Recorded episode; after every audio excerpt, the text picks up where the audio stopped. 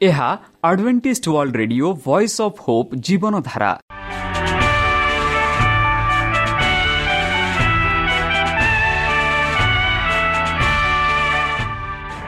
Odia radio କାର୍ଯ୍ୟକ୍ରମ ଯାହା ଆମର ଆନ୍ତର୍ଜାତୀୟ ଆଘାତ କେନ୍ଦ୍ରରୁ ପ୍ରସାରଣ କରାଯାଉଛି ପ୍ରତିଦିନ ରାତି ନଅଟା ତିରିଶ ମିନିଟ୍ରେ। ମୁଁ ସୁବ୍ରତ କୁମାର ପତି ପ୍ରେମର ସହ ଆପଣମାନଙ୍କୁ ଏହି କାର୍ଯ୍ୟକ୍ରମକୁ ସ୍ୱାଗତ କରୁଅଛି। ଚାଲନ୍ତୁ ଆଜିର ତିରିଶ ମିନିଟ୍ର କାର୍ଯ୍ୟକ୍ରମ ବିଷୟରେ ଜାଣିନେବା। ପ୍ରଥମେ ରଖିଛୁ ଆଧ୍ୟାତ୍ମିକ ଭକ୍ତିମୟ ଗୀତ। ଏହାପରେ ଶୁଣିବା ସ୍ୱାସ୍ଥ୍ୟ ବିଷୟରେ ଯାହା ଆମର ଦୈନିକ ଜୀବନରେ ଅତ୍ୟନ୍ତ ଜରୁରୀ। ଆଉ ପରିଶେଷରେ ଶୁଣିବା ପରମେଶ୍ୱରଙ୍କ ଭକ୍ତଙ୍କଠାରୁ ଜୀବନଦାୟକ ଈଶ୍ୱରଙ୍କ ବାକ୍ୟ। ପ୍ରିୟ ଶ୍ରୋତା ତାହେଲେ ଚାଲନ୍ତୁ ଶୁଣିବା ଏକ ଆଧ୍ୟାତ୍ମିକ ଭକ୍ତିମୟ ଗୀତ।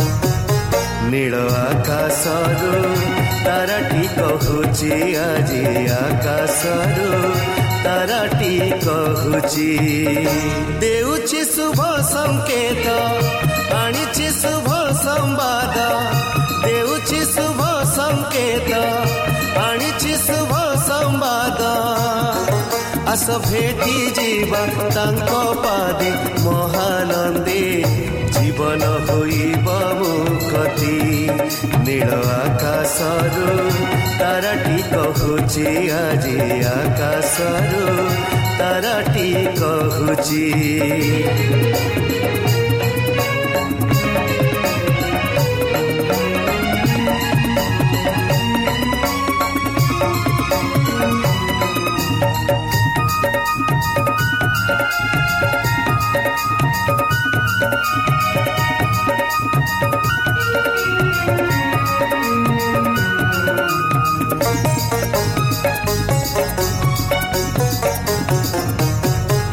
କହୁଛି ମନ ସାଗରର ତରଙ୍ଗରେ ଖେଳି ଉଠେ ସପନର ଢେଉ ଯେମିତି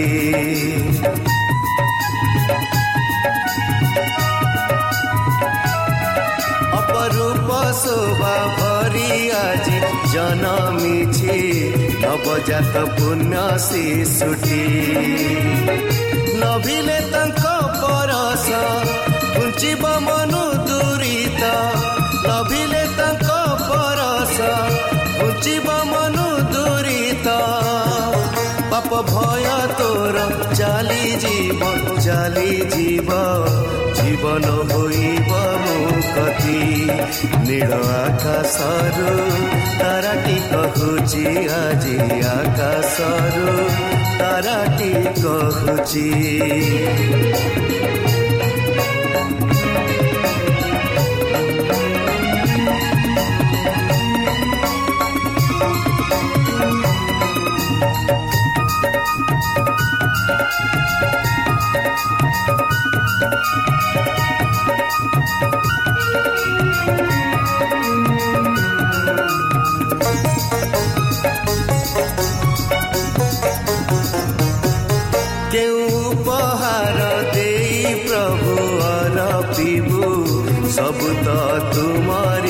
ତୁମରି ସୃଷ୍ଟି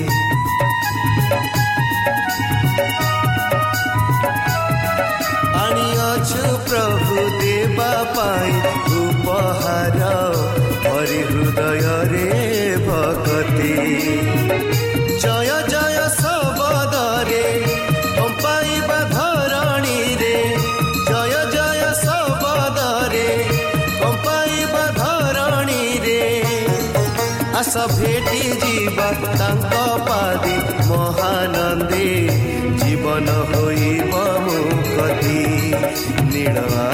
ଆକାଶରୁ ତାରାଟି କହୁଛି ଆଜି ଆକାଶରୁ ତାରାଟି କହୁଛି ଦେଉଛି ଶୁଭ ସଂକେତ ଆଣିଛି ଶୁଭ ସମ୍ବାଦ ଦେଉଛି ଶୁଭ ସଂକେତ ଆଣିଛି ଶୁଭ ସମ୍ବାଦ ଆସ ଭେଟି ଯିବା ତାଙ୍କ ପାଦେ ମହାନନ୍ଦେ ଜୀବନ ହୋଇବ ମୁକ୍ତି ନୀଳ ଆକାଶରୁ ତାରାଟି କହୁଛି ଆଜି ଆକାଶରୁ ତାରାଟି କହୁଛି ଆଜି ଆକାଶରୁ ତାରାଟି କହୁଛି ଆଜି ଆକାଶରୁ ତାରାଟି କହୁଛି ଆପଣଙ୍କର ମତାମତ ଜଣାଇବା ପାଇଁ ଆମର ଏହି ଠିକଣାରେ ଯୋଗାଯୋଗ କରନ୍ତୁ ଆମ ଠିକଣା Adventist Media Centre SDA Mission Compound Salisbury Park Pune ଚାରି ଏକ ଏକ ଶୂନ ତିନି ସାତ ମହାରାଷ୍ଟ୍ର ବା ଖୋଲନ୍ତୁ ଆମର ୱେବସାଇଟ୍ ଯେକୌଣସି Android phone smartphone desktop laptop କିମ୍ବା ଟ୍ୟାବ୍ଲେଟ୍ ଆମର website W W W dot A W R dot O R G slash O R I ଏବଂ W W W dot Adventist Media Centre India dot O R G ବର୍ତ୍ତମାନ ଚାଲନ୍ତୁ ଶୁଣିବା ଈଶ୍ୱରଙ୍କ ଭକ୍ତଙ୍କଠାରୁ ଈଶ୍ୱରଙ୍କ ଜୀବନଦାୟକ ବାକ୍ୟ। ଫରସୀମାନଙ୍କ ପାଇଁ ଦୁଃଖ। ନମସ୍କାର ପ୍ରିୟ ଶ୍ରୋତା। ସେହି ସର୍ବଶକ୍ତି ସର୍ବଜ୍ଞାନୀ ପ୍ରେମର ସାଗର ଦୟାମୟ ଅନ୍ତର୍ଜମୀ ଅନୁଗ୍ରହ ପରମ ପିତାଙ୍କ ମଧୁର ନାମରେ ମୁଁ ପାଷ୍ଟର ପୂର୍ଣ୍ଣଚନ୍ଦ୍ର ଆଉ ଥରେ ଆପଣମାନଙ୍କୁ ଏହି କାର୍ଯ୍ୟକ୍ରମରେ ସ୍ୱାଗତ କରୁଅଛି। ସେହି ସର୍ବଶକ୍ତି ପରମେଶ୍ୱର ଆପଣମାନଙ୍କୁ ଆଶୀର୍ବାଦ କରନ୍ତୁ। ଆପଣଙ୍କର ସମସ୍ତ ପ୍ରକାର ଦୁଃଖ କଷ୍ଟ ବାଧା କ୍ଲେଶ ଓ ରୋଗରୁ ଦୂରେଇ ରଖନ୍ତୁ। ବିଶେଷ ଭାବରେ ବର୍ତ୍ତମାନ ଯେଉଁ କରୋନା ମହାମାରୀ ସାରା ପୃଥିବୀକୁ ଆପଣା ପ୍ରଭାବ ଦେଖାଉଅଛି ସେହି ପ୍ରଭାବରୁ ସେହି ପରମେଶ୍ୱର ଆପଣମାନଙ୍କୁ ସୁରକ୍ଷାରେ ରଖନ୍ତୁ। ତାହାଙ୍କ ପ୍ରେମ ତାହାଙ୍କ ସ୍ନେହ ତାହାଙ୍କ କୃପା ତାହାଙ୍କ ଅନୁଗ୍ରହ ସଦାସର୍ବଦା ଆପଣଙ୍କଠାରେ ସହବର୍ତ୍ତୀ ରହୁ। ପ୍ରିୟ ଶ୍ରୋତା ଚାଲନ୍ତୁ ଆଜି ଆମ୍ଭେମାନେ କିଛି ସମୟ ପବିତ୍ର ଶାସ୍ତ୍ର ବାଇବଲଠୁ ତାହାଙ୍କ ଜୀବନଦାୟକ ବାକ୍ୟ ଧ୍ୟାନ କରିବା। ଆଜିର ଆଲୋଚନା ହେଉଛି ଫାରୁସିମାନଙ୍କ ପାଇଁ ଦୁଃଖ। କିଏ ଯୀଶୁଖ୍ରୀଷ୍ଟ କରିଥିଲେ? ଚାଲନ୍ତୁ ଏହି ବିଷୟରେ କିଛି ସ୍ପଷ୍ଟ ରୂପରେ ଆମେ ଆଜି ପାଠ କରିବା। ଯେପରି କୁହାଯାଇଅଛି ଏହା ମନ୍ଦିରରେ କୃଷ୍ଣଙ୍କ ଶିକ୍ଷାର ଶେଷ ଦିନ ଥିଲା। ଜେରୁସାଲାମରେ ଏକତ୍ରିତ ହୋଇଥିବା ବହୁ ସଂଖ୍ୟାରେ ସମସ୍ତଙ୍କ ଦୃଷ୍ଟି ତାଙ୍କ ପ୍ରତି ଆକର୍ଷିତ ହୋଇଥିଲା। ଲୋକମାନେ ଚାଲିଥିବା ପ୍ରତିଯୋଗିତା ଦେଖି ମନ୍ଦିର ପ୍ରାଙ୍ଗଣରେ ଭିଡ଼ ଜମାଇଥିଲେ ଏବଂ ସେମାନେ ତାଙ୍କ ଓଟରୁ ପଡ଼ିଥିବା ପ୍ରତ୍ୟେକ ବାକ୍ୟକୁ ଉତ୍ସାହର ସହିତ ଧରିଥିଲେ। ଏହି ଦୃଶ୍ୟ ପୂର୍ବରୁ କେବେ ଦେଖାଯାଇ ନଥିଲା। ସେଠାରେ ଗାଲିଲି ଯୁବକ ଠିଆ ହୋଇଥିଲେ। କୌଣସି ପାର୍ଥିବ ସମ୍ମାନ କିମ୍ବା ରାଜକୀୟ ବ୍ୟାକ୍ସ ନଥିଲେ। ତାଙ୍କ ଚତୁର୍ଥ ଦିଗରେ ସେମାନଙ୍କ ଧନୀ ପୋଷକର ପୁରୋହିତ ବସ୍ତ୍ର ବିସ୍ପଷ୍ଟ ଶାସକ ଏବଂ ସେମାନଙ୍କ ଉଚ୍ଚ ସ୍ଥାନ ବ୍ୟକ୍ତି ମହତ୍ଵପୂର୍ଣ୍ଣ ଏବଂ ହାତରେ ଶାସ୍ତ୍ରୀ ଥିବା ଛାତ୍ରୀମାନେ ଥିଲେ। ଯାହାକୁ ସେମାନେ ବାରମ୍ବାର ସୂଚାଇ ଦେଇଥିଲେ। ଯୀଶୁ ଜଣେ ରାଜାଙ୍କ ସମ୍ମାନ ସହିତ ଶାନ୍ତ ଭାବରେ ସେମାନଙ୍କ ସମ୍ମୁଖରେ ଠିଆ ହେଲେ। ଯେହେତୁ ଜଣେ ସ୍ୱର୍ଗର ଅଧିକାର ସହିତ ବିନିଯୋଗ କଲେ ଯେ ତାଙ୍କର ଶତ୍ରୁମାନଙ୍କ ପ୍ରତି ଅନିଷ୍ଟ ଭାବରେ ଦେଖିଲେ। ଯିଏ ତାଙ୍କ ଶିକ୍ଷାକୁ ପ୍ରତ୍ୟାଖ୍ୟାନ କରିଥିଲେ ଏବଂ ତାଙ୍କୁ ଘୃଣା କରିଥିଲେ ଏବଂ ଯିଏ ତାଙ୍କ ଜୀବନ ପାଇଁ ଦୃଷ୍ଟିତ ଥିଲେ ସେମାନେ ବହୁ ସଂଖ୍ୟାରେ ତାଙ୍କୁ ଆକ୍ରମଣ କରିଥିଲେ। କିନ୍ତୁ ତାଙ୍କ ଫାନ୍ଦରେ ପକାଇବା ଏବଂ ନିଆଁ ନିନ୍ଦା କରିବାର ଯୋଜନା ବୃଥା ଥିଲା। ଚ୍ୟାଲେଞ୍ଜ ପରେ ଚ୍ୟାଲେଞ୍ଜ ସେ ସାକ୍ଷାତ କରିଥିଲେ। ପୁରୋହିତ ଏବଂ ପରିସୀମାନଙ୍କ ଅନ୍ଧକାର ଏହି ତ୍ରୁଟିର ବିପରୀତ ଶବ୍ଦ ବା ବାକ୍ୟ ଉଜ୍ଜଳ ସତ୍ୟ ଉପସ୍ଥାପନ କରିଥିଲା। ସେ ଏହି ନେତାମାନଙ୍କ ଆଗରେ ସେମାନଙ୍କ ପ୍ରତ୍ୟୁକ ଅବସ୍ଥା ସ୍ଥିର କରିଥିଲେ ଏବଂ ସେମାନଙ୍କ ମନ୍ଦ କାର୍ଯ୍ୟର ସ୍ଥିରତା ଅନୁସରଣ କରିବା ନିଶ୍ଚିତ। ବିଶ୍ୱସ୍ତ ଭାବରେ ନେତା ଚେତାବନୀ ଦିଆଯାଇଥିଲା। ତଥାପି ଅନ୍ୟ ଏକ ଖ୍ରୀଷ୍ଟଙ୍କ ପାଇଁ କାର୍ଯ୍ୟ ରହିଲା ଏବଂ ଏକ ଉଦ୍ଦେଶ୍ୟ ଏପର୍ଯ୍ୟନ୍ତ ପୂରଣ ହେବାକୁ ଥିଲା। ଖ୍ରୀଷ୍ଟଙ୍କ ପ୍ରତି ତାଙ୍କର ଆଗ୍ରହ ଏବଂ ତାଙ୍କ କାର୍ଯ୍ୟ କ୍ରମଗତ ଭାବରେ ବୃଦ୍ଧି ପାଇଲା। ସେମାନେ ତାଙ୍କୁ ଶିକ୍ଷା ଦ୍ୱାରା ଆକର୍ଷିତ ହୋଇଥିଲେ। କିନ୍ତୁ ସେମାନେ ମଧ୍ୟ ବହୁତ ପବିତ୍ର ହୋଇଥିଲେ। ସେମାନେ ସେମାନଙ୍କ ବୁଦ୍ଧି ଏବଂ ସ୍ପଷ୍ଟ ଧର୍ମ ପାଇଁ ପୁରୋହିତ ଏବଂ ରାବଣମାନଙ୍କୁ ସମ୍ମାନ କରିଥିଲେ। ସମସ୍ତ ଧାର୍ମିକ ପ୍ରାଙ୍ଗଣରେ ସେମାନେ ନିଜ କର୍ତ୍ତବ୍ୟକୁ ସମ୍ପୂର୍ଣ୍ଣ ରୂପେ ମାଣିଥିଲେ ତଥାପି ସେମାନେ ବର୍ତ୍ତମାନ ଦେଖିଲେ ଯେ ଏହି ଲୋକମାନେ ଯୀଶୁଙ୍କ ଉପରେ ଅସମ୍ମାନ ପ୍ରଦର୍ଶନ କରିବାକୁ ଚେଷ୍ଟା କରୁଛନ୍ତି। ଜଣେ ଶିକ୍ଷକ ଯାହାର ଗୁଣ ଏବଂ ଜ୍ଞାନ ପ୍ରତ୍ୟେକ ଆକ୍ରମଣରୁ ଉଜ୍ଜଳ ଆଲୋକିତ କରିছে ସେମାନେ ଯାଜକ ଓ ପ୍ରାଚୀନମାନଙ୍କ ନିର୍ମାଣର ଚେହେରାକୁ ଦେଖିଲେ ଏବଂ ସେଠାରେ ଅସନ୍ତୋଷ ଏବଂ ଦ୍ୱନ୍ଦ୍ୱ ଦେଖିଲେ। ସେମାନେ ଆଶ୍ଚର୍ଯ୍ୟ ହେଲେ ଯେ ଶାସକମାନେ ଯୀଶୁଙ୍କ ଉପରେ ବିଶ୍ୱାସ କରିବେ ନାହିଁ। ଯେତେବେଳେ ତାଙ୍କର ଶିକ୍ଷା ଏକ ସରଳ ଏବଂ ସରଳ ଥିଲା କେଉଁ ଉପାୟ ଅବଲମ୍ବ କରିବାକୁ ସେମାନେ ନିଜେ ଜାଣିନଥିଲେ ଉତ୍ସାହର ସହିତ ସେମାନେ ସେହିମାନଙ୍କ ଗତିବିଧି ଦେଖିଲେ ଯାହାର ପରାମର୍ଶ ସେମାନେ ସର୍ବଦା ଅନୁସରଣ କରୁଥିଲେ। ବନ୍ଧୁ ଖ୍ରୀଷ୍ଟ ଯେଉଁ ଦୃଷ୍ଟାନ୍ତ ଗୁଡ଼ିକରେ କହିଥିଲେ ଉଭୟ ଶାସକମାନଙ୍କୁ ଚେତାବନୀ ଦେବା ଏବଂ ସେମାନଙ୍କୁ ଶିକ୍ଷା ଦେବାକୁ ଇଚ୍ଛୁକ ଥିବା ଥିବା ଲୋକମାନଙ୍କୁ ନିର୍ଦ୍ଦେଶ ଦେବା ତାଙ୍କର ଉଦ୍ଦେଶ୍ୟ ଥିଲା। କିନ୍ତୁ ସେଠାରେ ଅଧିକ ସ୍ପଷ୍ଟ ଭାବରେ କହିବାକୁ ଆବଶ୍ୟକତା ଥିଲା। ପରମ୍ପରା ପ୍ରତି ସେମାନଙ୍କ ସମ୍ମାନ ଏବଂ ଏକ ଦୁର୍ନୀତିଗ୍ରସ୍ତ ପୁରୋହିତର ସେମାନଙ୍କ ଅନ୍ଧବିଶ୍ୱାସ ଲୋକଙ୍କ ଦାସ ହୋଇଥିଲା। ଖ୍ରୀଷ୍ଟ ଏହି ସିଙ୍ଗୁଳି ଗୁଡ଼ିକୁ ଭାଙ୍ଗିବା ଉଚିତ। ଯାଜକ ଶାସକ ଓ ପାରୁଷୀମାନଙ୍କ ଚରିତ୍ର ଅଧିକ ପ୍ରକାଶିତ ହେବା ଆବଶ୍ୟକ। ସେ କହିଲେ ଧର୍ମଶାସ୍ତ୍ରୀ ଓ ପାରୁଷୀମାନେ ମଶାଙ୍କ ଆସନରେ ବସନ୍ତୁ। ତେଣୁ ସେମାନେ ଯାହା କିଛି ପାଳନ କରନ୍ତି ତାହା ପାଳନ କରନ୍ତି ଓ ପାଳନ କରନ୍ତି କିନ୍ତୁ ସେମାନଙ୍କ କାର୍ଯ୍ୟ ପରେ ତାହା କରନାହିଁ। କାରଣ ସେମାନେ କୁହନ୍ତି ଓ କରନ୍ତି ନାହିଁ। ଶାସ୍ତ୍ରୀ ଓ ଫାରୁସୀମାନେ ମଶାଙ୍କ ଭଳି ଈଶ୍ୱରୀୟ ଅଧିକାର ସହିତ ବିନିଯୋଗ କରିବାକୁ ଦାବି ହେଲେ କଲେ। ସେମାନେ ଆଇନର ବ୍ୟାଖ୍ୟାକାରୀ ଏବଂ ଲୋକମାନଙ୍କର ବିଚାରପତି ଭାବରେ ତାଙ୍କ ସ୍ଥାନ ଗ୍ରହଣ କରିବାକୁ ଅନୁମାନ କରେ। ଏହିପରି ସେମାନେ ଲୋକମାନଙ୍କ ଠାରୁ ଅଧ୍ୟତିକ ସମ୍ମାନ ଏବଂ ଆଜ୍ଞା ଦାବି କରିଥିଲେ। ଯୀଶୁ ତାଙ୍କ ଶ୍ରୋତାମାନଙ୍କୁ ନିୟମ ଅନୁଆଇ ଯାହା ଶିକ୍ଷା ଦେଇଥିଲେ ତାହା କରିବାକୁ ଆଦେଶ ଦେଲେ। କିନ୍ତୁ ସେମାନଙ୍କ ଆଦର୍ଶ ଅନୁସରଣ କରି ନ କରିବାକୁ ସେମାନେ ନିଜେ ନିଜର ଶିକ୍ଷାଦାନ ଅଭ୍ୟାସ କଲେ ନାହିଁ। ଏବଂ ସେମାନେ ଅନେକ ଶିକ୍ଷା ଦେଲେ ଯାହା ଶାସ୍ତ୍ରର ବିପରୀତ ଥିଲା। ଯୀଶୁ କହିଥିଲେ ସେମାନେ ଭାରି ଭାର ବହନ କରିବାକୁ ଓ ଭାର ବହନ କରିବାକୁ ମନୁଷ୍ୟର କାନ୍ଧରେ ବାନ୍ଧି ରଖନ୍ତି। କିନ୍ତୁ ସେମାନେ ନିଜେ ଗୋଟିଏ ଆଙ୍ଗୁଠିରେ ତାହା ଚଲାଇବେ ନାହିଁ। ଫାରୁସୀମାନେ ପରମ୍ପରାରେ ସେମାନଙ୍କ ମୂଳଦୁଆ ରହିବା ଏବଂ ବ୍ୟକ୍ତିଗତ ସ୍ୱାଧୀନତାକୁ ଅକ୍ଷଚିକ୍ତ ଭାବରେ ସୀମିତ ରଖିବା ପାଇଁ ଅନେକ ନିୟମ ନିର୍ଦ୍ଦେଶ ଦେଇଥିଲେ।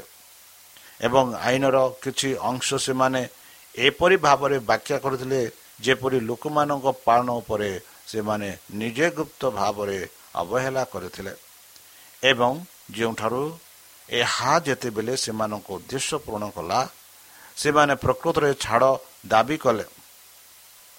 ସେମାନଙ୍କ ଧାର୍ମିକତା ପ୍ରଦର୍ଶନ କରିବା ସେମାନଙ୍କ ନିରନ୍ତର ଲକ୍ଷ୍ୟ ଥିଲା। ଏହି ଉଦ୍ଦେଶ୍ୟ ଗୁଡ଼ିକ ସେବା କରିବା ପାଇଁ କୌଣସି ଜିନିଷ ଅଧ୍ୟତିକ ପବିତ୍ର ନଥିଲା।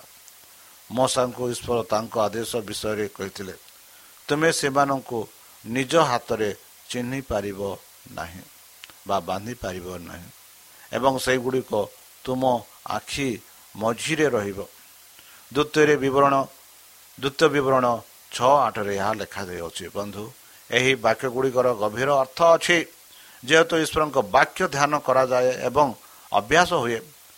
ସମଗ୍ର ମନୁଷ୍ୟ ହୋଇଯିବ ଧାର୍ମିକ ଏବଂ ଦୟାଳୁ କାରବାରରେ। ହାତ ଗୁଡ଼ିକ ଏକ ସଂକେତ ଭାବରେ ଈଶ୍ୱରଙ୍କ ନିୟମ ନୀତି ଗୁଡ଼ିକ ପ୍ରକାଶ କରିବ। ସେମାନଙ୍କୁ ଲାଞ୍ଚରୁ ଏବଂ ଦୁର୍ନୀତିଗ୍ରସ୍ତ ଏବଂ ପ୍ରତାରଣାକାରୀମାନଙ୍କ ଠାରୁ ସଫା ରଖିବାକୁ। ସେମାନେ ପ୍ରେମ ଏବଂ କରୁଣାର କାର୍ଯ୍ୟ ସକ୍ରିୟ ରହିବେ। ଏକ ଉତ୍ତମ ଉଦ୍ଦେଶ୍ୟ ଆଡ଼କୁ ନିର୍ଦ୍ଦେଶିତ ଆଖି ସ୍ପଷ୍ଟ ଏବଂ ସତ୍ୟ ହେବ। ଭାବ ପ୍ରବଣ ମୁଖ୍ୟ କଥାବାର୍ତ୍ତା ଆଖି ଯିଏ ଈଶ୍ୱରଙ୍କୁ ବାକ୍ୟକୁ ଭଲ ପାଏ ଏବଂ ସମ୍ମାନ କରେ ତାହାର ନିଖୁଣ ଚରିତ୍ରକୁ ସାକ୍ଷା ହେବ। କିନ୍ତୁ ଖ୍ରୀଷ୍ଟଙ୍କ ସମୟରେ ଯୌଦୀମାନଙ୍କ ଦ୍ୱାରା ଏସବୁ ଅଜ୍ଞ ଥିଲା ମଶାଙ୍କୁ ଦିଆଯାଇଥିବା ଆଦେଶ ଏକ ଦିଗକୁ ବଢ଼ାଯାଇଥିଲା ଯେ ଶାସ୍ତ୍ରର ନିୟମ ସେହି ବ୍ୟକ୍ତିଙ୍କ ଉପରେ ପିନ୍ଧିବା ଉଚିତ। ସେଗୁଡ଼ିକ ସେହି ଅନୁଯାୟୀ ଚିତ୍ରକଳା ଉପରେ ଲେଖାଯାଇଥିଲା ଏବଂ ମୁଣ୍ଡ ଏବଂ ହାତ ଗୋଡ଼ ବିଷୟରେ ଏକ ଦୃଷ୍ଟାନ୍ତରେ ବନ୍ଧା ହୋଇଯାଇଥିଲା। କିନ୍ତୁ ଏହା ଈଶ୍ୱରଙ୍କ ନିୟମ ମନ ଏବଂ ହୃଦୟ ଅଧିକ ଭୋଜ ଭାବରେ ଗ୍ରହଣ କଲା ନାହିଁ। ଏହି ଚିତ୍ରଗୁଡ଼ିକ କେବଳ ବ୍ୟାଗ୍ ପରି ପିନ୍ଧା ଯାଇଥିଲା। ଧ୍ୟାନ ଆକର୍ଷିତ କରିବା ସେମାନେ ବୁଣାକାରମାନଙ୍କ ଏକ ଭକ୍ତର ପବନ ଦେବେ ବୋଲି ଚିନ୍ତା କରାଯାଉଥିଲା ଯାହା ଲୋକଙ୍କ ସମ୍ମାନକୁ ଆଦେଶ ଦେବ। ବନ୍ଧୁ ଯୀଶୁ ଏହି ବୃଥା ବାହନରେ ଏକ ଆଘାତ କଲେ। କିନ୍ତୁ ସେମାନଙ୍କ ସମସ୍ତ କାର୍ଯ୍ୟ ପୁରୁଷମାନଙ୍କୁ ଦେଖିବା ପାଇଁ କରନ୍ତି। ସେମାନେ ସେମାନଙ୍କ ଉଚ୍ଚ ବିସ୍ତାର କରନ୍ତି ଏବଂ ସେମାନଙ୍କ ବସ୍ତ୍ରର ସୀମା ବିସ୍ତାର କରନ୍ତି ଏବଂ ଭୋଜିରେ ଉପର କୋଠରୀକୁ ସବିଚାଳୟର ମୁଖ୍ୟ ଆସନ ଏବଂ ବଜାରରେ ଅଭିବାଦନ ଏବଂ ରାବଣ ବୋଲି କୁହାଯାଉ। କିନ୍ତୁ ତୁମେ ରାବଣ ବୋଲି ଡାକ ନାହିଁ। କାରଣ ଜଣେ ତୁମର ଗୁରୁ। ଏପରିକି କ'ଣ? ଏବଂ ତୁମେ ସମସ୍ତେ ଭାଇ। ଆଉ ପୃଥିବୀରେ କାହାକୁ ତୁମର ପିତା କୁହ ନାହିଁ କାରଣ ତୁମେ ତୁମର ପିତା ସ୍ୱର୍ଗରେ ଅଛନ୍ତି। କିମ୍ବା ତୁମକୁ ଗୁରୁ ବୋଲି କୁହ ନାହିଁ। ଏପରି ସରଳ ବାକ୍ୟରେ ତ୍ରାଣକର୍ତ୍ତା ସ୍ୱାର୍ଥପର ଅଭିଳାଷକୁ ପ୍ରକାଶ କଲେ ଯାହା ସର୍ବଦା ସ୍ଥାନ ଏବଂ ଶକ୍ତି ପାଇଁ ପହଞ୍ଚୁଥିଲା। ଏକ ଉପହାସ ନମ୍ରତା ପ୍ରଦର୍ଶନ କରିଥିଲା। ଯେତେବେଳେ ହୃଦୟ ଅଧ୍ୟତିକ ଈର୍ଷା ପରିପୂର୍ଣ୍ଣ ଥିଲା ସେତେବେଳେ ବ୍ୟକ୍ତିମାନଙ୍କୁ ଏକ ଭୋଜିରେ ନିୟମ ନିୟନ୍ତ୍ରଣ କରାଯାଉଥିଲା। ଅତିଥିମାନେ ସେମାନଙ୍କ ପଦ୍ଧତି ଅନୁଆଇ ବସିଥିଲେ ଏବଂ ଯେଉଁମାନଙ୍କୁ ସବୁଠାରୁ ସମ୍ମାନଜନକ ସ୍ଥାନ ଦିଆଯାଉଥିଲା। ସେମାନଙ୍କୁ ପ୍ରଥମ ଧ୍ୟାନ ଏବଂ ବିଶେଷ ଅନୁଗ୍ରହ ମିଳିଥିଲା। ଏହି ସମ୍ମାନ ପାଇବା ପାଇଁ ପାରୁସୀମାନେ ଷଡ଼ଯନ୍ତ୍ର କରୁଥିଲେ। ଏହି ଅଭ୍ୟାସ ଯୀଶୁ ବର୍ଜନା କଲେ। ବନ୍ଧୁ ସେ ରାବଣ କିମ୍ବା ମାଷ୍ଟର ଆଖ୍ୟା ଲୋଭରେ ଦେଖାଯାଉଥିବା ଆଶାତ୍ମକୁ ମଧ୍ୟ ବର୍ଜନା କରିଥିଲେ। ସେ ଘୋଷଣା କରିଥିଲେ ଯେ ଏହିପରି ଆଖ୍ୟା ମନୁଷ୍ୟର ନୁହେଁ ଏବଂ ପୃଷ୍ଠଙ୍କ ଅଟେ। ପୁରୋହିତୀ ଶାସ୍ତ୍ରୀ ଶାସକ ବ୍ୟାଖ୍ୟାକାରୀ ଏବଂ ବ୍ୟବସ୍ଥାର ପ୍ରଶନକ ସମସ୍ତେ ଭାଇ ଗୋଟିଏ ପିତାଙ୍କ ସନ୍ତାନ। ଯୀଶୁ ଲୋକମାନଙ୍କୁ ପ୍ରଭାବିତ କଲେ ଯେ ସେମାନେ କୌଣସି ବ୍ୟକ୍ତିଙ୍କୁ ସେମାନଙ୍କ ବିବେକ କିମ୍ବା ସେମାନଙ୍କର ବିଶ୍ୱାସକୁ ନିୟନ୍ତ୍ରଣ କରୁଥିବା ସମ୍ମାନର ଆଖ୍ୟା ହେବେ ନାହିଁ। ଯଦି ଖ୍ରୀଷ୍ଟ ଆଜି ପୃଥିବୀରେ ଥିଲେ ଯେଉଁମାନେ ରେଭରେଣ୍ଟ କିମ୍ବା ରାଇଟ୍ ରେଭରେଣ୍ଟ ଆଖ୍ୟା ଅର୍ଜନ କରିଥିଲେ ସେ ତାଙ୍କ କଥାର ପୁନରୁତ୍ଥାନ କରିବେ ନାହିଁ। ତୁମକୁ ଗୁରୁ ବୋଲି କୁହାଯିବ ନାହିଁ କାରଣ ଜଣେ ତୁମର ଗୁରୁ ଏହିପରି ଖ୍ରୀଷ୍ଟ ଶାସ୍ତ୍ରରେ ଈଶ୍ୱରଙ୍କୁ ଘୋଷଣା କରିଛନ୍ତି। ତାଙ୍କ ନାମ ପବିତ୍ର ଏବଂ ସମ୍ମାନୀୟ ଏହିପରି ଗୀତ ସଂଗୀତା ଏକଶହ ଏଗାର ନଅରେ ଲେଖାଯାଇଅଛି ବନ୍ଧୁ କେଉଁ ମଣିଷ ପାଇଁ ଏପରି ଆଖ୍ୟା ଉପଯୁକ୍ତ? ମନୁଷ୍ୟ ଏହା ସୂଚାଉଥିବା ଜ୍ଞାନ ଏବଂ ଧାର୍ମିକତା ବିଷୟରେ କେତେ କମ୍ ପ୍ରକାଶ କରେ। ଯେଉଁମାନେ ଏହି ଆଖ୍ୟା ଗ୍ରହଣ କରନ୍ତି ସେମାନଙ୍କ ମଧ୍ୟରୁ କେତେଜଣ ଈଶ୍ୱରଙ୍କ ନାମ ଏବଂ ଚରିତ୍ରକୁ ଭୁଲ ଭାବରେ ଉପସ୍ଥାପନ କରୁଛନ୍ତି। ହାଏ କେତେଥର ସାଂସାରିକ ଅଭିଳାଷ ଦେଶ ପ୍ରେମ ଏବଂ ମୂଲ୍ୟ ପାପ ଗୁଡ଼ିକ ଏକ ଉଚ୍ଚ ଏବଂ ପବିତ୍ର କାର୍ଯ୍ୟାଳୟର ବ୍ରାଇଡ ପୋଷାକ ତଳେ ଲୁଚି ରହିଲା। ତ୍ରାଣକର୍ତ୍ତା ଜାରି ରଖିଲେ। କିନ୍ତୁ ତୁମମାନଙ୍କ ଭିତରୁ ମହାନ ଲୋକ ତୁମର ଦାସ ହେବ। ସେ ଯେ କେହି ନିଜକୁ ଉଚ୍ଚ କରିବ ସେ ଅପମାନିତ ହେବ। ଯିଏ ନିଜକୁ ନମ୍ବର କରିବ ସେ ଉନ୍ନତ ହେବ। ବାରମ୍ବାର ଖ୍ରୀଷ୍ଟ ଶିକ୍ଷା ଦେଇଥିଲେ ଯେ ପ୍ରକୃତ ମହାନତା ନୈତିକ ମୂଲ୍ୟ ଦ୍ୱାରା ମାପ କରାଯାଏ। ସ୍ୱର୍ଗର ଆଲୋକ ଆଲୋକରେ ଚରିତ୍ରର ମହାନତା ଆମର ସାଥୀମାନଙ୍କ କଲ୍ୟାଣ ପାଇଁ ବଞ୍ଚିବା। ପ୍ରେମ ଏବଂ ଦୟା କାର୍ଯ୍ୟ କରିବା। ଗୌରବ ବାରଣ୍ୟ ଖ୍ରୀଷ୍ଟ ପବିତ୍ର ଲୋକଙ୍କ ସେବକ ଥିଲେ। ଯୀଶୁ କହିଲେ ଧର୍ମ ଶାସ୍ତ୍ର ଶାସ୍ତ୍ରୀ ଓ ଫାରସୀମାନେ କପଟି ଗଣ। କାରଣ ତୁମେମାନେ ସ୍ୱର୍ଗ ରାଜ୍ୟକୁ ମନୁଷ୍ୟମାନଙ୍କ ବିରୁଦ୍ଧରେ ବନ୍ଦ କରିଅଛ। ଶାସ୍ତ୍ରକୁ ବିକୃତ କରି ପୁରୋହିତ ଏବଂ ଆଇନକା ଜୀବୀମାନେ ସେହିମାନଙ୍କ ମନୁଷ୍ୟକୁ ଅନ୍ଧ କରିଦେଲେ। ଯେଉଁମାନେ ଅନ୍ୟାତ ଖ୍ରୀଷ୍ଟଙ୍କ ରାଜ୍ୟ ବିଷୟରେ ଜ୍ଞାନ ପାଇଥିଲେ ଏବଂ ସେହି ଭିତର ଈଶ୍ୱରୀୟ ଜୀବନ ଯାହା ପ୍ରକୃତ ପବିତ୍ରତା ପାଇଁ ଜରୁରୀ ଅଟେ। ହେ ଦିକ୍ ଧର୍ମଶାସ୍ତ୍ରୀ ଓ ଫାରୁସି କପଟିଗଣ ତୁମମାନେ ବିଧବାମାନଙ୍କର ଗୃହଗୁଡ଼ିକୁ ପ୍ରହାସ କରୁଛ ଓ ଦୀର୍ଘ ସମୟ ଧରି ପ୍ରାର୍ଥନା କର ତେଣୁ ତୁମମାନେ ଅଧିକ ଦଣ୍ଡ ପାଇବ। ଲୋକମାନଙ୍କ ସହିତ ଫରୁସିମାନଙ୍କର ବହୁତ ପ୍ରଭାବ ଥିଲା ଏବଂ ଏଥିରୁ ସେମାନେ ନିଜର ସ୍ୱାର୍ଥର ସେବା କରିବାକୁ ଲାଭ ଉଠାଉଥିଲେ। ସେମାନେ ଧାର୍ମିକ ବିଧାମାନଙ୍କ ଆତ୍ମବିଶ୍ୱାସ ହାସଲ କଲେ ଏବଂ ତାପରେ ସେମାନଙ୍କ ସମ୍ପତ୍ତି ଧାର୍ମିକ ଉଦ୍ଦେଶ୍ୟରେ ଉତ୍ସର୍ଗ କରିବା ଏବଂ କର୍ତ୍ତବ୍ୟ ଭାବରେ ପ୍ରତିନିଧିତ୍ୱ କଲେ।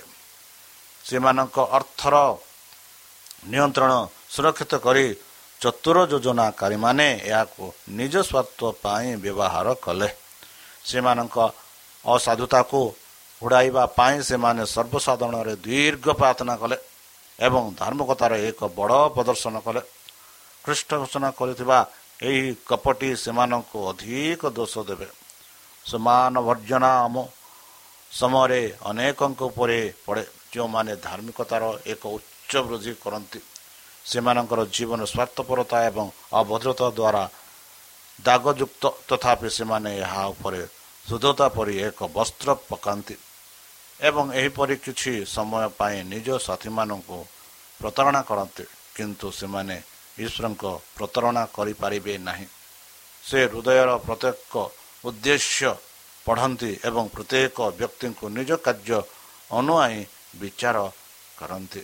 ବନ୍ଧୁ ଖ୍ରୀଷ୍ଟ ଅପବ୍ୟବହାରକୁ ନିନ୍ଦା କରିଥିଲେ କିନ୍ତୁ ସେ ବାଧ୍ୟ ତା ମୂଳକୁ ତାକୁ ହ୍ରାସ କରିବାକୁ ଯତ୍ନବାନ ଥିଲେ ସେ ସ୍ୱାର୍ଥପରକତାକୁ ବର୍ଜନା କରିଥିଲେ ଯାହା ବିଧବାଙ୍କ ଉପହାରକୁ ଅପବ୍ୟବହାର କରିଥିବା ଏବଂ ଅପବ୍ୟବହାର କରିଥିଲେ ସେହି ସମୟରେ ସେହି ବିଧବାଙ୍କୁ ପ୍ରଶଂସା କଲେ ଯିଏ ଈଶ୍ୱରଙ୍କ ଭଣ୍ଡାର ପାଇଁ ନୈବେଦ୍ୟ ଆଣିଥିଲେ ବନ୍ଧୁ ଉପହାରରେ ମନୁଷ୍ୟର ଅପବ୍ୟବହାର ତାଙ୍କ ଠାରୁ ଈଶ୍ୱରଙ୍କ ଆଶୀର୍ବାଦକୁ ଫେରାଇ ଆଣିପାରିଲା ନାହିଁ। ବନ୍ଧୁ ଅନେକ ଥର ଆମମାନେ ମଧ୍ୟ ଏହି ଫାରୁସିମାନଙ୍କ ପରି ନିଜକୁ ଗର୍ବ କରିଥାଉ। ଈଶ୍ୱରଙ୍କ ବାକ୍ୟ ଆମ ମନରେ ନ ରଖି ନିଜକୁ ଗର୍ବ କରିଥାଉ। ବନ୍ଧୁ ତାହେଲେ ଚାଲନ୍ତୁ ସେହି ସଦାପ୍ରଭୁ ଯିଏକି ନମ୍ର ସେହି ସଦାପ୍ରଭୁ ଯିଏକି ଆମକୁ ଶାନ୍ତି ପ୍ରଦାନ କରିପାରିବ। ସେହି ସଦାପ୍ରଭୁ ଯିଏକି ଆମମାନଙ୍କୁ ପରିତ୍ରାଣ ଦେଇପାରିବ। ସେହି ସଦାପ୍ରଭୁ ହେଉଛନ୍ତି ଆମ ଜୀବନ ଆମ ପଥ ଆଉ ସତ୍ୟ। ଚାଲନ୍ତୁ ତାଙ୍କଠାରେ ଆମେ ବିଶ୍ୱାସ କରି ନିଜକୁ ସମର୍ପଣ କରି ତାହାଙ୍କ ମଧୁର ନାମରେ ଆମେ ପ୍ରାର୍ଥନା ଉତ୍ସର୍ଗ କରିବା। ହେ ଆମ୍ଭମାନଙ୍କ ସର୍ବଶକ୍ତି ସର୍ବଜ୍ଞାନୀ ପ୍ରେମର ସାଗର ଦୟାମୟ ଅନ୍ତର୍ଜମୀ ପରମ ପିତା ଧନ୍ୟବାଦ ଅର୍ପଣ କରୁଛୁ ପ୍ରଭୁ। ବର୍ତ୍ତମାନ ଯେଉଁ ବାକ୍ୟ ତୁମ ସେହି ଭକ୍ତଙ୍କ ଦ୍ୱାରା ଶୁଣାଇଲେ ସେହି ବାକ୍ୟ ଅନୁସାରେ ଆମମାନଙ୍କୁ ଚାଲିବା ପାଇଁ ବୁଦ୍ଧିରେ ଜ୍ଞାନରେ ଶକ୍ତିରେ ପରିପୂର୍ଣ୍ଣ କର। ଆମ ପାପ ସବୁ ତୁମ ସେହି ବହୁମୂଲ୍ୟ ରକ୍ତରେ ପରିଷ୍କାର କରି ଧୋଇଦିଅ। ବର୍ତ୍ତମାନ ଯେଉଁ କରୋନା ଭାଇରସ ମହାମାରୀ ସାରା ପୃଥିବୀକୁ ଆପଣା ପ୍ରଭାବ ଦେଖାଉଅଛି ସେହି ପ୍ରଭାବରୁ ଆମମାନଙ୍କୁ ଦୂରେଇ ରଖ। ଶତ୍ରୁ ସୈତନ ହସ୍ତରୁ ଆମମାନଙ୍କୁ ସୁରକ୍ଷାରେ ରଖ। ଆଉ ପରିଶେଷ ଯେବେ ତୁମେ ତୁମ ସେହି ସହସ୍ରଦୂତଙ୍କ ସହ ଆପଣ ସାଧୁମାନଙ୍କୁ ସଂଗ୍ରହ କରିବା ନିମନ୍ତେ ଆସିବେ ସେତେବେଳେ ଆମମାନଙ୍କୁ ଏକ ବାସସ୍ଥାନ ଦିଅ ବୋଲି ତ୍ରାଣକର୍ତ୍ତା ପ୍ରଭୁ ଯୀଶୁଙ୍କ ମଧୁରମୟ ନାମରେ ଏହି ଛୋଟ ଭିକ୍ଷମ ଅଛି ଶୁଣି ଗ୍ରହଣ କର। ଆମେନ୍। ପ୍ରିୟ ଶ୍ରୋତା ଆମେ ଆଶା କରୁଛୁ ଯେ ଆମର କାର୍ଯ୍ୟକ୍ରମ ଆପଣମାନଙ୍କୁ ପସନ୍ଦ ଲାଗୁଥିବ। ଆପଣଙ୍କର ମତାମତ ଜଣାଇବା ପାଇଁ ଆମର ଏହି ଠିକଣାରେ ଯୋଗାଯୋଗ କରନ୍ତୁ। ଆମ ଠିକଣା Advantage Media Centre SDA Mission Compound Salisbury Park Pune ଚାରି ଏକ ଏକ ଶୂନ ତିନି ସାତ ମହାରାଷ୍ଟ୍ର।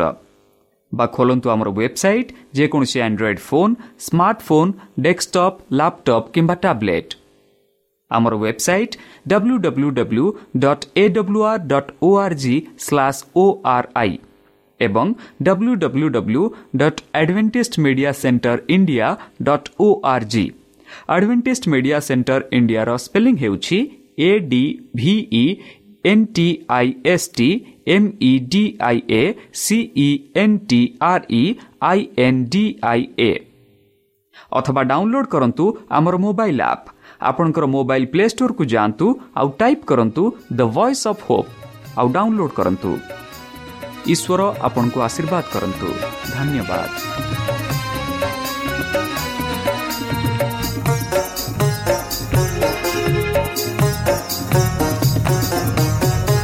ନୀଳ ଆକାଶରୁ ତାରାଟି କହୁଛି ଆଜି ଆକାଶରୁ ତାରାଟି କହୁଛି ଦେଉଛି ଶୁଭ ସଂକେତ ଆଣିଛି ଶୁଭ ସମ୍ବାଦ ଦେଉଛି ଶୁଭ ସଂକେତ ଆଣିଛି ଶୁଭ ସମ୍ବାଦ ଆସ ଭେଟି ଯିବା ତାଙ୍କ ପାଦେ ମହାନନ୍ଦେ ଜୀବନ ହୋଇବ ମୁଖତି ନୀଳ ଆକାଶରୁ ତାରାଟି କହୁଛି ଆଜି ଆକାଶରୁ ତାରାଟି କହୁଛି।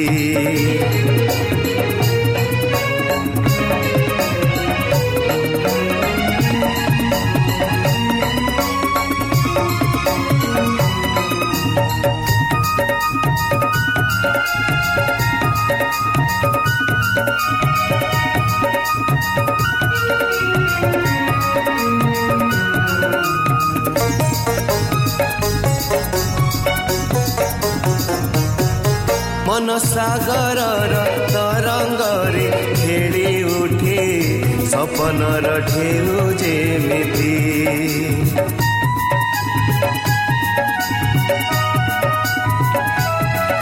ଅପରୂପ ଶୋଭା ଭରି ଆଜି ଜନମିଛି ନବଜାତ ପୁଣ୍ୟ ଶିଶୁଟି ନଭିଲେ ତାଙ୍କ ପରସ ଘୁଞ୍ଚିବ ମନୁ